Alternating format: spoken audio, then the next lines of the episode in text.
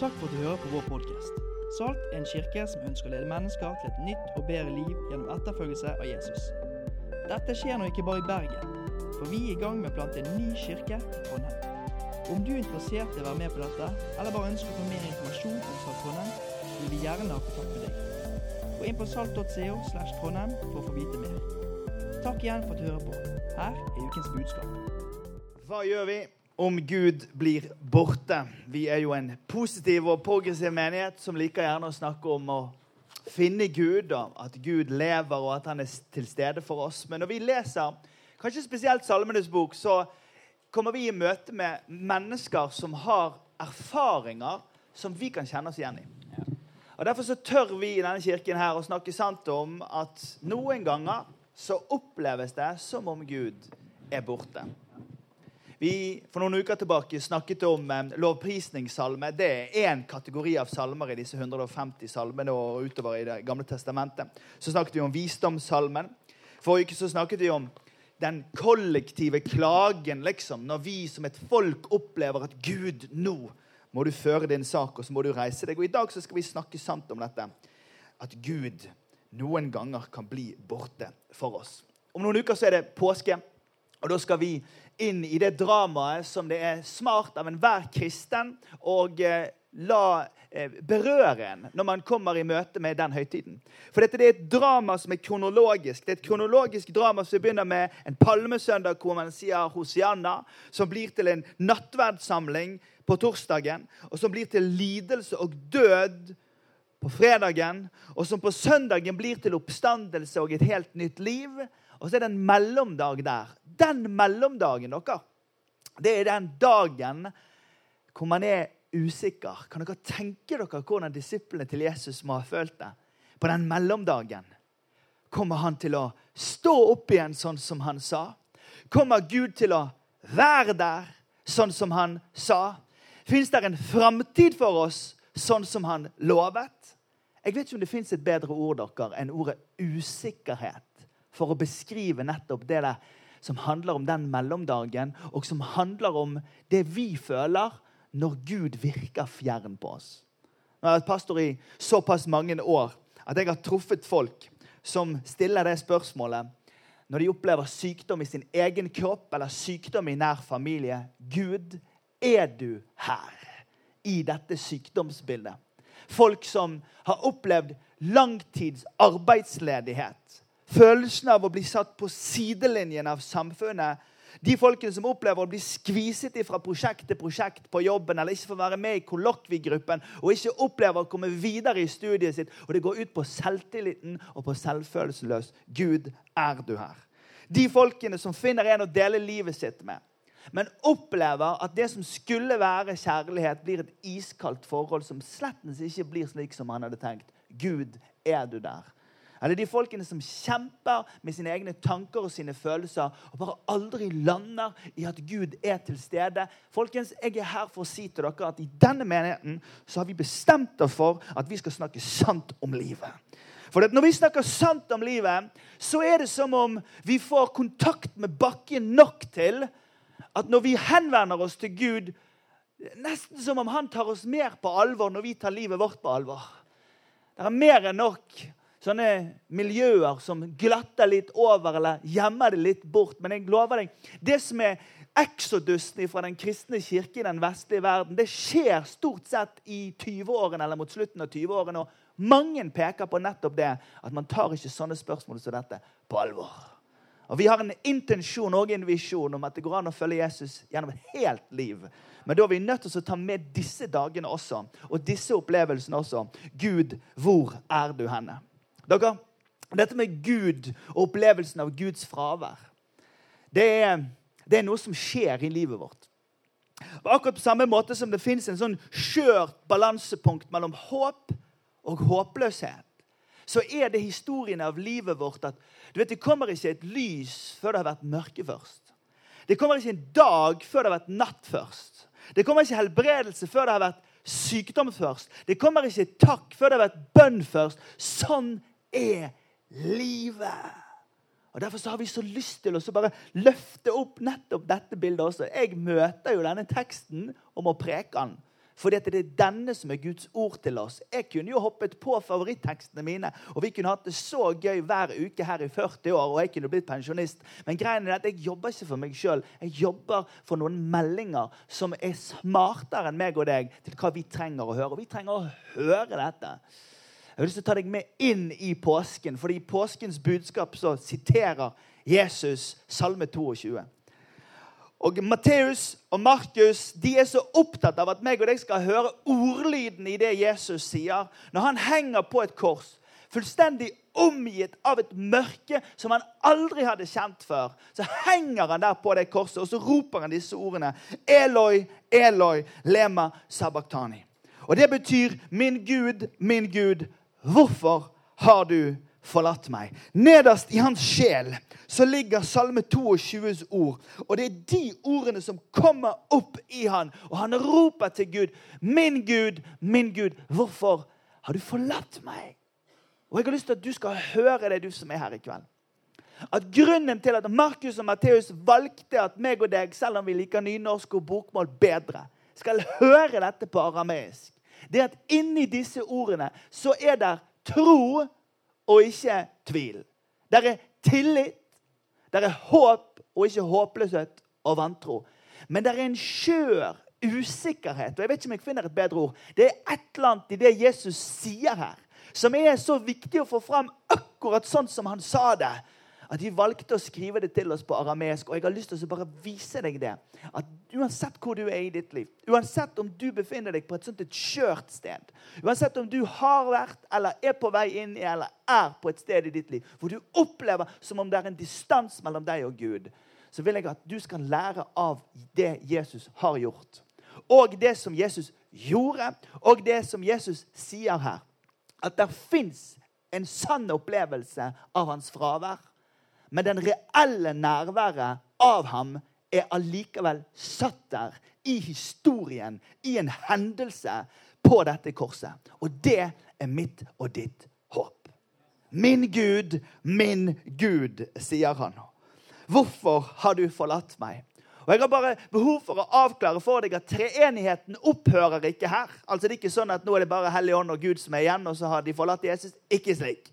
Det er heller ikke slik at Gud, som er kjærlighet i dette øyeblikket, forlater sin sønn på det mørkeste.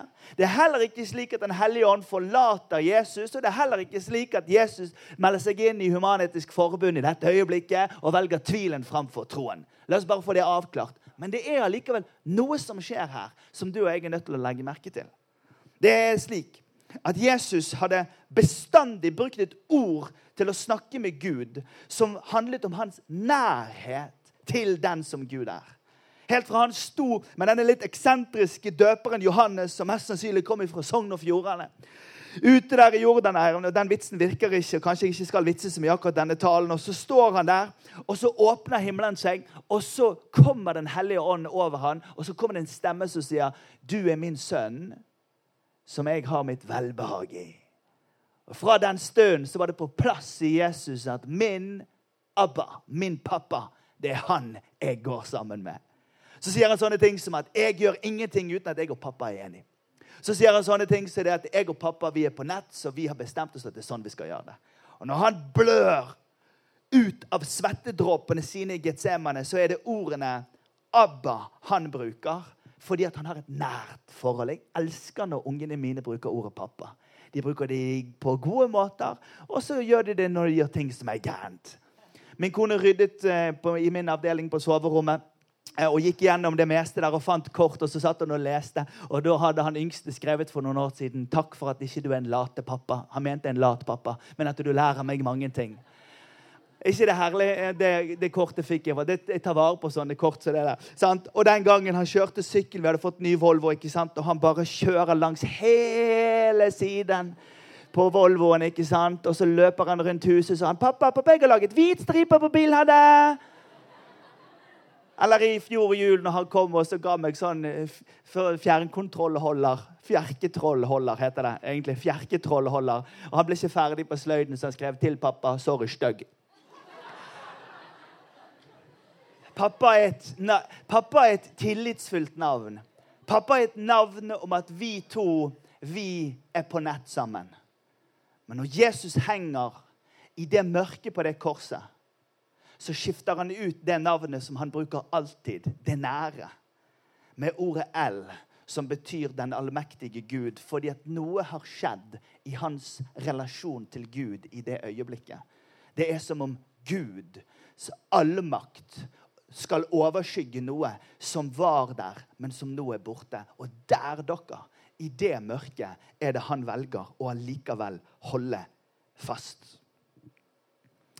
Erling Rimehaug er nå ferdig med 40 års karriere i den kristne dagsavisen Vårt Land. En fantastisk samfunnsdebattant, en dyktig skribent og en utrolig fin mann. Men rundt slutten av 90-tallet der, 2000, så opplevde han at Gud ble borte for ham. Han begynner denne boken som heter 'Når Gud ble borte', med disse ordene 'En dag ble jeg oppslukt av natten'. Han sier at hans faste holdepunkt i livet, Gud, bare ble borte, og igjen satt han med kaos depresjon og sykemelding. Hvordan kan noe sånt som det skje? Eller presten Odd Ednar som mistet to barn. Og i sorgen av å miste barna sine også mistet Gud. Han skrev boken 'Den doble sorgen'. Presten som mistet to barn og troen på Gud. Og jeg siterer. Det var en medisinsk forklaring, men den teologiske forklaringen var verre. Hvordan kunne en allmektig og kjærlig Gud tillate dette? Du har en kristen journalist. Du har en prest som opplever at sånn som meg og deg som er troende, at eh, den andakten og det bibelverset og den fortellingen og det bønnesvaret og den leiren og det møtet og den lovsangen og det diktet og den tingen blir en vev av et trosliv. Og så er vi der, da. og så sier vi på studiet at 'jeg tror', og så sier vi til mor og far 'jeg tror', og så lever vi i en tro på Gud. Men så kommer vi til et punkt hvor det blir bare bort, blir det stille. Og så er det akkurat som om når den tvilen treffer brystet med farten av et godstog, så slår det luften ut av oss. Eller den tanken som blir sådd, bare tar oss bort og ikke inn. Eller den sykdommen og den lidelsen bare ikke stemmer med det gudsbildet vi har. For det er det som skjer når det som skjer med oss, ikke stemmer med det bildet vi har av hvem Gud er. Da er det han pff, blir borte. Bibelfortellingen vår forteller oss en bisarr historie. Jeg beklager å fortelle den. og Hvis du er litt lettskremt, så ikke hør etter når jeg sier dette. Men Abraham, vår trosfar, tar med seg sønnen sin når de skal opp på et fjell. Og mens de går oppover på det fjellet, termosen er pakket, Kvikk er med, de har med appelsin i vesken, og de går oppover. og Isak kaller pappaen sin for pappa, og de har en allment flott tur og legger det ut på Instagram. Men når de kommer opp på den toppen der oppe, og de driver og lager et gedigent bål Husk, mannen er gammel, sønnen er den eneste som skulle arve liksom faren sin. Men han opplever at han skal be sønnen sin legge seg opp på bålet og være et offer. Altså, dette praktiserer vi ikke for dere som ikke går så ofte i kirken. Slikt gjør vi ikke nå for tiden, og det er lenge siden sist. Men, men, men, men, det, men jeg vil at dere skal tenke igjennom. Tenk hvordan Isak må ha hatt det i det øyeblikket hvor han skjønte han faren min der. Han er ikke den han har utgitt seg for å være. Han er en annen. Og så henger Jesus der. Inntullet i alt det mørket. Og all den synden. Og alt det som egentlig skulle ramme oss. Dette uværet som han ikke kjente, det ble plutselig hans. Og så kjenner han ikke Gud igjen. Og så sier han bare, 'Min Gud, allmektige Gud, hvorfor?' Denne presten Odd Eidner, denne historien berører meg dypt. Han opplevde at etter denne sorgen og etter disse tapene av ungene sine og etter tapen av troen at han hadde gjentatte opplevelser av at, at han kom litt på plass igjen.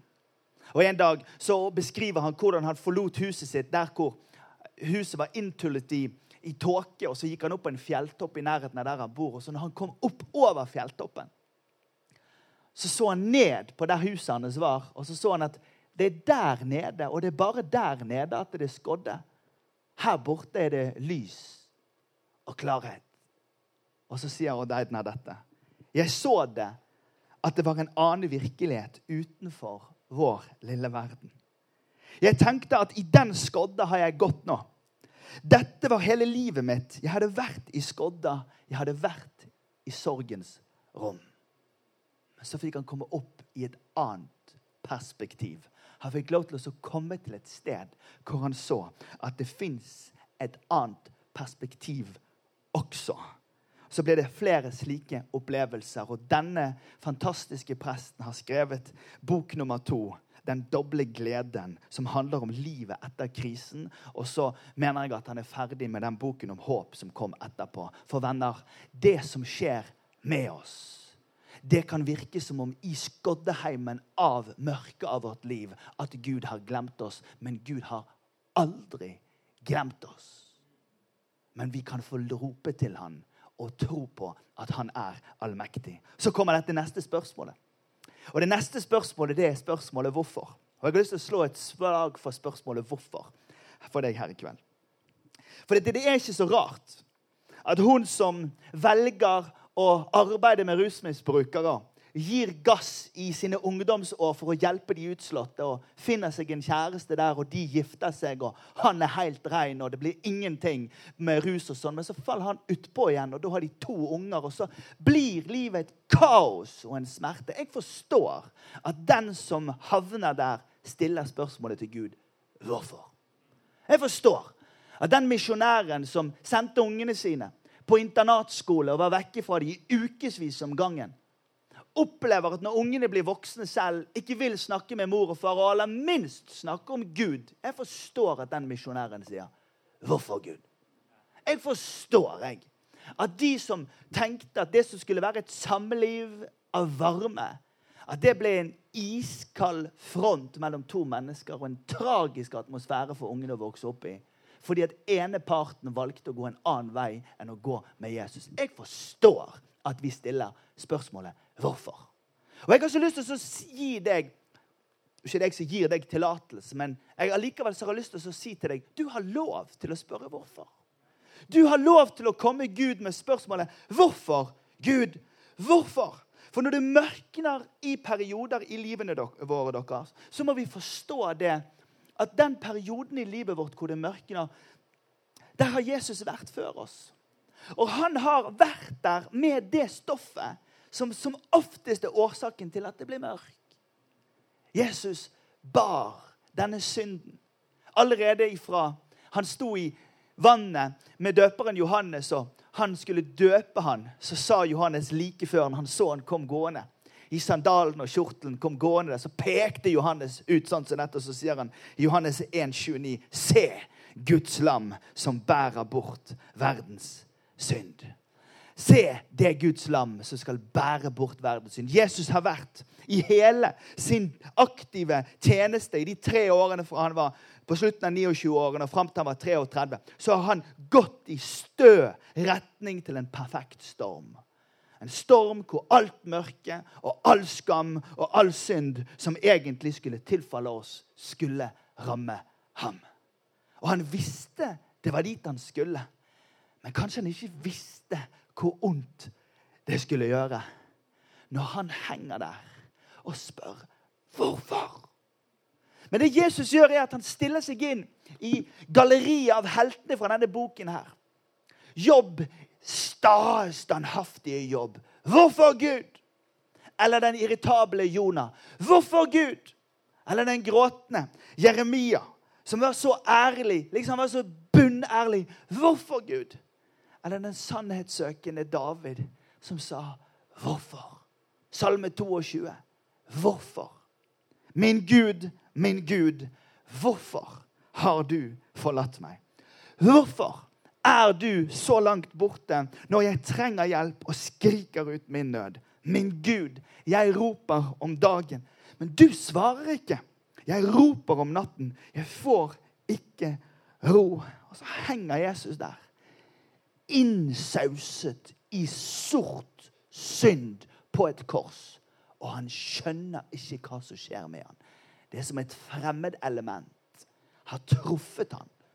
Venner, det er viktig at vi skjønner at det vi skal gjøre når Gud blir borte, det er å se på det Jesus har gjort for oss, som gjør at det kan klarne, som gjør at det kan bli lys.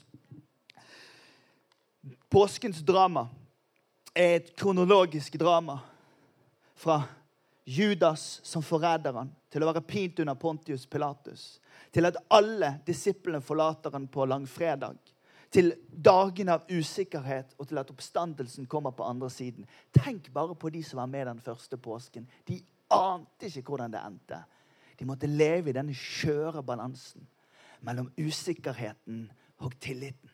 Mellom håpløsheten og det holder fast på håpet.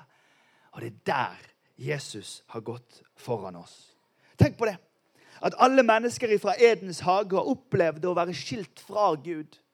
Men ikke menneskesønnen. Han seilet inn ovenifra. Og han kom ned syndfri. Og uansett hva Hollywood prøver å si til oss om at han var fristet, og at han holdt på med et eller annet greier som ikke stemte, og sånne ting så det. Jesus hadde ingen syndig tanke, ingen moralsk feil. Han var helt plettfri. Og i tråd med israelsfolkets tradisjon og tro så skulle et plettfritt lam ofres for at alle menneskers synd skulle bli sonet. Og det er det bildet Jesus står her. Så når han henger på det korset, venner, så henger han der med noe som han aldri har kjent på før. Det står i 2. Korinterne 5, 21. Han som ikke visste av synd, han ble gjort til synd for oss. Alt det som skulle ramme oss, det rammer han hundrevis av år før, sier profeten Jesaja. Det var Herrens vilje å knuse ham med sykdom. Når hans liv er gitt som et skyldoffer, skal han se etterkommere og leve lenge. Ved hans hånd skal det lykkes, det som Herren vil. Etter sin nød skal han se lys. Han skal mettes med sin innsikt. Min rettferdige tjener Jesus skal gjøre de mange rettferdige, meg og deg. Han har båret min og din skyld. Hva gjør vi når Gud blir borte? Vi ser på Jesus. Vi ser at uansett hvor mørkt det blir, så finnes det et lys hos han. Så finnes det tilgivelse hos han. Så finnes det en hånd som er allmektig, og som strekker seg gjennom og tar tak i meg og deg, uansett hva som måtte skje i livene våre. Venner, vi er nødt til å skjønne at håpet vårt er knyttet til det han har gjort for oss. I tid og i rom og i vår historie. Og det er Derfor når vi skal ta nattverd nå, så er ikke det bare et minnesmåltid, men det er et reelt måltid av å ta del i Hans nåde. At vi kan få lov til med åpne hender å ta imot Hans legeme, ta imot Hans blod og vite at det han opplevde i det mørket, når Gud opplevdes som borte for han, det gjorde han for at du og jeg skal få lov til å komme nær. Det var ikke kroppen til Jesus som led. Det var hans indre menneske og opplevelse av forkastelse som egentlig var hans lidelse. Dietrich Bonhoeffer døde bare noen timer før han ble satt fri av de allierte rett etter annen verdenskrig. En fantastisk størrelse i europeisk kristenhet. En skarp tenker og forfatter av bl.a. boken 'Disippelskapets kostnad', hvor han skriver disse ordene. Jesus Kristus måtte lide og forkastes. Dette må er en side av Guds løfter for at Skriften skal gå i oppfyllelse. Å lide og bli forkastet er ikke det samme. Og nå må du følge med. Jesus kunne jo midt i sin lidelse vært den tiljublende Kristus. Lidelsen kunne jo frembrakt all verdens medfølelse og beundring. Lidelse kunne, tragisk som den er, hatt en egenverdi og gitt Jesus ære og verdighet. Men Jesus lider som den forkastede Kristus. Og er man forkastet, ja, da tapper det lidelsen for all verdighet og ære. Han lider uten ære. Å lide mye og bli forkastet, det sammen uttrykker dette som skjedde med Jesus på dette korset. Å dø på et kors er å dø forkastet og utstøtt. Det Jesus roper fra djupet av sin sjel, det er 'min Gud, allmektige Gud'. Nå er jeg helt alene her. Og alle mobber, alle spotter, alle er stygge, alle forlater meg. Du også, Gud, går ifra meg. Og alt det opplevde han så at du og jeg skulle få lov til å slippe. Det er evangeliet om Jesus Kristus. Venner, det hadde ikke vært en salme 23 om det ikke først var en salme 22. Herre, du er min hyrde. Jeg mangler ingenting. Jeg har opplevd å være så på avstand fra deg at jeg fullstendig mistet retningen for mitt liv. Men venner, dødsskyggens dal er ikke et sted vi slår leir. Dødsskyggens dal er ikke en plass vi setter oss ned i selvmedlidenhet og skriver blogger. Dødsskyggens dal er ikke et sted hvor vi lar bitterheten vokse. Dødsskyggens dal er et sted vi går igjennom. Fordi at han er vår hyrde, og han leder oss igjennom. De vanskelige tidene i vårt liv, venner, de er for en tid Jeg kan ikke forklare hvorfor. Men det som skjer, og vi skal straks se det Det siste Jesus roper. Men før jeg skal snakke om det, så vil jeg fortelle deg historien om Inger-Lise Rypdal. Hun er godt voksen, men hun opplevde, etter å ha vokst opp i et kristent miljø, at eh, hun mistet troen på Gud. Hun søkte overalt, hun leitet, og så skjedde dette. Tilfeldigvis kom jeg i snakk med en ukjent dame som stilte spørsmålet om det ikke var Jesus jeg leitet etter. Og da skjedde det noe. Det var som en aha-opplevelse for meg. Da hun sa det, så skjønte jeg med en gang at hun hadde rett. At den hule følelsen jeg hadde, var at jeg manglet noe viktig. Og det var godt. Og det var godt for meg å finne tilbake til Jesus i voksen alder. Det var som om alt havnet på rett plass igjen. Jeg ble mitt sjelelige jeg igjen. Jeg fant roen. Jeg fant bakkekontakten og min gudstro. Ja, det er det stødigste som jeg Hva gjør vi når Gud blir borte? Det vi gjør når Gud blir borte, det er at vi ser på Jesus. Og så snakker vi sant om hva vi føler og hva vi tenker. Men vi, selv om ikke vi opplever nærheten av papparelasjonen, så velger vi å tro at han fortsatt er den allmektige. Og når vi går med den allmektige gjennom dødsskyggens dal, så fins det alltid lys etter mørket. Det fins alltid gjenopprettelse etter sorg. Det fins alltid dag etter natt. Det fins alltid lys, venner, på den andre siden. Dette var det som skjedde med Erling Rimehaug. Dette skjedde med Eidna. Dette skjedde med kong David. Og dette, venner, skjer i våre liv. For han har lovet at han aldri skal forlate oss og forsake oss.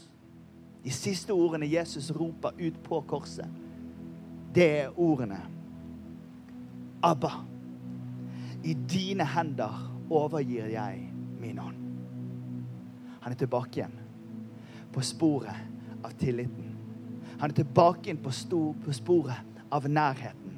Fordi han vet det, at han som er allmektig, han ser mer enn det jeg ser. Og det, venner, er det som jeg har lyst til å si til deg i dag. Skal vi reise oss opp sammen, og så skal vi be om at Herren skal møte hver enkelt i dette rommet, og de som hører på denne podkasten en eller annen plass i dette landet denne uken, eller i ukene som kommer. At vi alle sammen skal høre at det vi gjør når Gud blir borte, er ikke å glatte over eller å late som, men det er å snakke sant om livet. Det er å snakke sant om vår uro, og det er å snakke sant om Gud.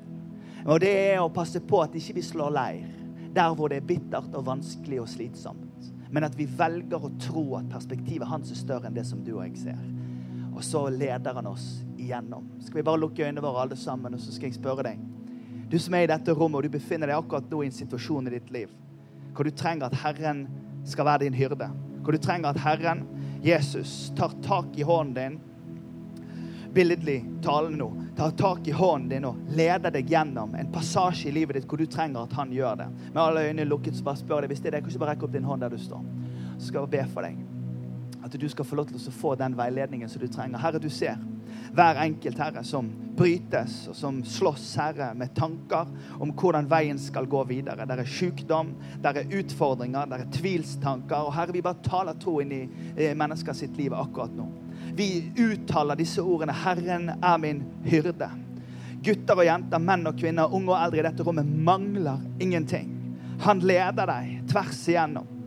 Først til hvilens vann, og så gjennom til den andre siden av det som i deg er en mørk passasje i ditt liv. Jeg er ikke borte, sier Herren. Jeg er nær ved. Stol på meg, sier Herren. Og jeg vil trøste deg. Stol på meg, og jeg vil lede deg. Du kan ta hånden din ned hvis du er her i dette rommet. Og du har gått gjennom noe i ditt liv. Men det som du har gått igjennom jeg opplever Herren sier dette veldig tydelig du, du, har gått igjennom noe, og det har satt seg som en angst i deg. Ikke en tro, men en frykt for at Gud skal bli borte igjen. Du har en tro på Gud i dag, men det er en skjør usikkerhet. Og du frykter at neste gang du opplever at himmelen er stille, så kommer du til å kapitulere istedenfor å klatre på han. Jeg tror Herren har et ord til spesielt noen damer her i dette rommet her, om at, at, eh, at du skal ikke drive og gjøre et regnskap av at dette er siste sjansen Herren får.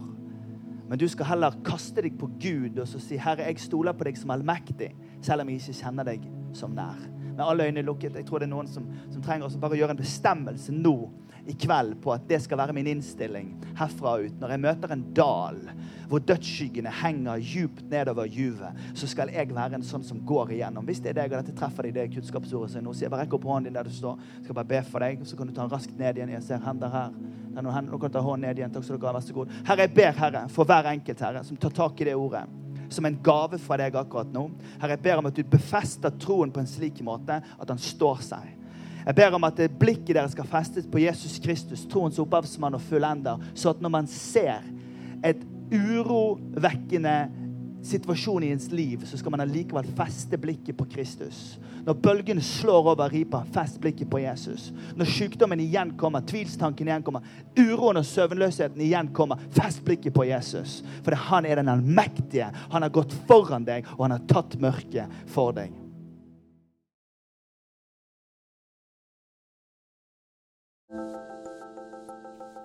Takk for at du lyttet til podkasten til Salt. For å høre flere, besøk oss på saltbergen.no.